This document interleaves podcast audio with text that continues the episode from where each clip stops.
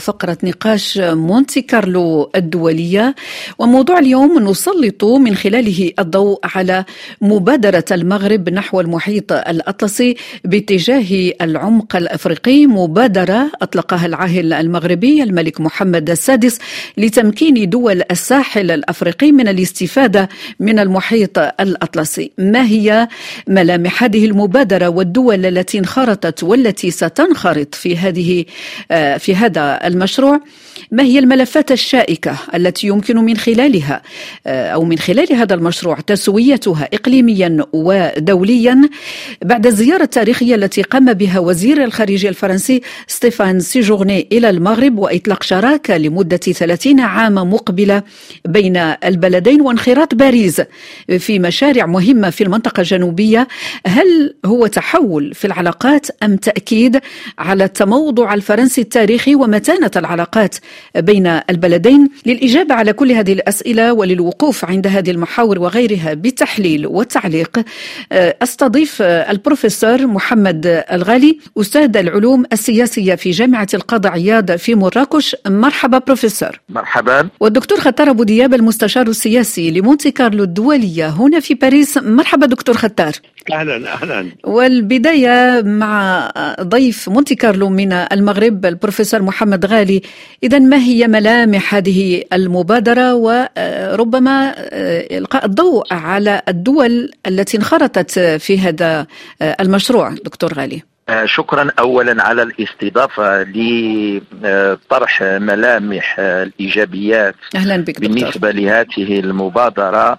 لابد أن أذكر ببعض الأرقام. القارة الإفريقية تضم 54 دولة. منها 23 دولة مطلة على المحيط الأطلسي أي بنسبة 43 في المئة وفيها 16 دولة لا تتوفر على منفذ بحري.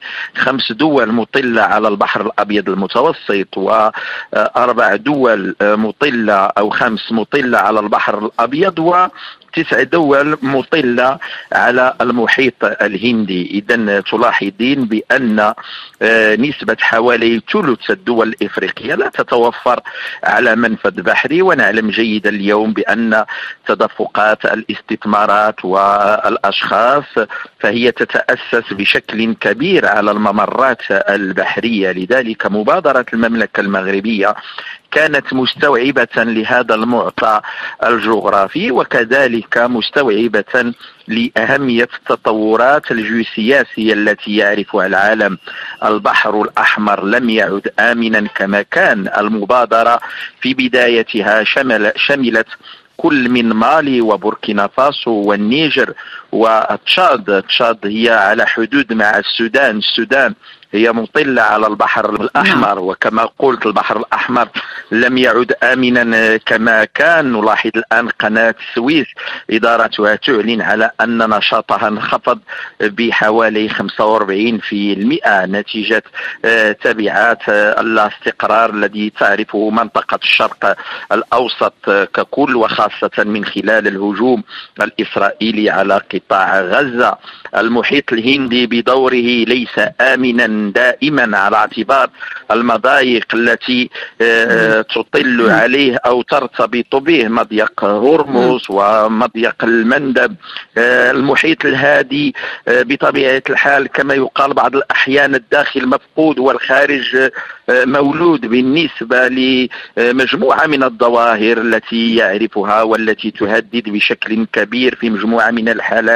لا الملاحة البحرية ولا حتى الملاحة على أي الجوية المحيط. الأطلسي الآن بالنظر إلى مجموعة من الاعتبارات وبالنظر إلى مجموعة من الخبرات والدراسات اليوم هو الوصف الأكثر أمنا بالنسبة للتجارة آه، الدولية نحن ننظر إلى المحيط الأطلسي من زاوية الدول الإفريقية كما قلت 23 دولة إفريقية مطلة آه، عليه ويقابله الولايات المتحدة الأمريكية القارة الأمريكية آه، ككل يقابله كذلك ممر بنما نعم. الذي بطبيعة الحال تصل فيه التجارات التجارة العالمية إلى أرقام جد قياسية. أعتقد بأن كل هذه المعطيات الجيوسياسية استوعبتها المملكة المغربية وكانت المبادرة من خلال خطاب المسيرة الخضراء بمناسبة إحياء هذه الذكرى. الذكرى 48 على اعتبار أن ذكرى المسيرة الخضراء دائما كانت تعتبرها المملكة المغربية فرصة لانطلاق النقاش والحوار نعم. والتأسيس ومشاريع كبرى ليس نعم. فقط بالنسبة للمملكة المغربية ولكن كذلك بالنسبة لدول دول إفريقيا وشعوب إفريقيا كلها نعم دكتور خطر أبو دياب هل من أهمية لهذه الوجهة يعني الأطلسية في ظل هذه الظروف التي يشهدها العالم من الناحية الأمنية دكتور خطار؟ يعني شرح المحاور الكريم مليا الميزات التي يمكن أن تعطى للمحيط الأطلسي لناحية المنافذ البحرية، لكن م. الأهم من كل ذلك وبالرغم مما يجري في البحر الأحمر أو مشكلات في المحيط الهادئ أو المتوسط، المشكلة الأساسية هي بنيوية داخل القارة الإفريقية، هي بنيوية لناحية تموضع دول الساحل التي هي الآن في موقع الحائر، م. لا تعلم أين تذهب بعد الذي جرى مع إكواس بعد تراجع النفوذ الفرنسي بعد وصول الروس ووجود الصينيين وقوى أخرى تتنافس عليها. وفي الأساس منذ أيام القذافي كان هناك أفكار حول تجمع الدول الساحل والصحراء. ومع العمليات الفرنسية منذ 2013 كان هناك فكرة تجمع دول الساحل. الأهم برأيي أن المغرب فتحت الباب فتحت الباب من أجل الوصول اذا إلى هذا المستوى. وهذا مهم جدا. لكنني آه، أتمنى أيضا أن يفتح هذا الباب أو أن تقام يوما المصالحة الجزائرية المغربية. نعم. لأنه برأيي من أهم المشكلات التي تعيق حل مسألة الصحراء أن الجزائر تفتش عن منفذ على الأطلسي. إذا ضمت الجزائر إلى هذه المجموعة يمكن أن يكون ذلك إيجابيا أكثر. دكتور غالي يعني هناك ربما ملفات شائكة يمكن إيجاد تسوية لها. الملف الأمني في منطقة الساحل ملف الهجرة. هل من خلال هذه المبادرة مبادرة الطريق إلى الأطلسي أن تجد حلولا لهذه الإشكالات وغيرها؟ واهم من يعتقد أن محاربة الفقر والمخدرات وتجارة البشر وتجارة السلاح يمكن أن تتحقق ببعض الاتفاقيات الأمنية التي تبقى معزولة ولكن صحيح. نعم. حتى نستطيع أن نتحكم في كل هذه المخاطر لأن هذه مخاطر دولية مشتركة تهدد أوروبا تهدد آسيا تهدد أمريكا فالجميع لابد وأن يساعد على هذا النوع من المبادرات نعم ولك نفس السؤال الدكتور خطار كيف تنظر إلى هذه المبادرة هل من شأنها أن تعمل على تسوية بعض الملفات الشائكة التي تعاني منها دول الساحل. يعني بالطبع هذه المبادرة إيجابية وفيها يعني نوع جديد لناحية الربط مع التنمية والاقتصاد والتعاون. هذا مهم جدا لا يمكن فقط التركيز على الأعمال العسكرية لمكافحة الإرهاب.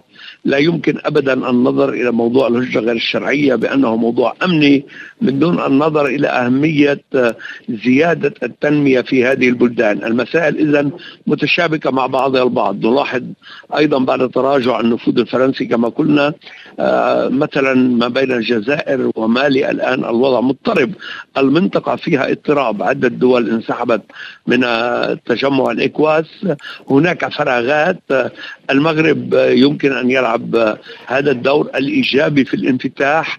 ولكن هناك حد أدنى من التوافق الإقليمي والدولي يجب أن يتوافر. يجب أن يعني ترفع اليد عن هذه المنطقة أن يتعامل أهل الساحل مع بلدانهم بطريقة أخرى. وأظن أن النهج التنموي والاقتصادي نهج الانفتاح نهج التكتلات. المغرب يقيم سياسته على أساس العلاقات الثنائية وعلى أساس التكتلات الإقليمية. وهذه المبادرة هذه النظرة الجديدة للربط مع الأطلسي. نعم يمكن أن تساعد دول الساحل على بدء الخروج من مشكلتها نعم. البروفيسور محمد غالي ما هي الرسائل ورمزية المبادرة مبادرة الأطلسي؟ تفضل.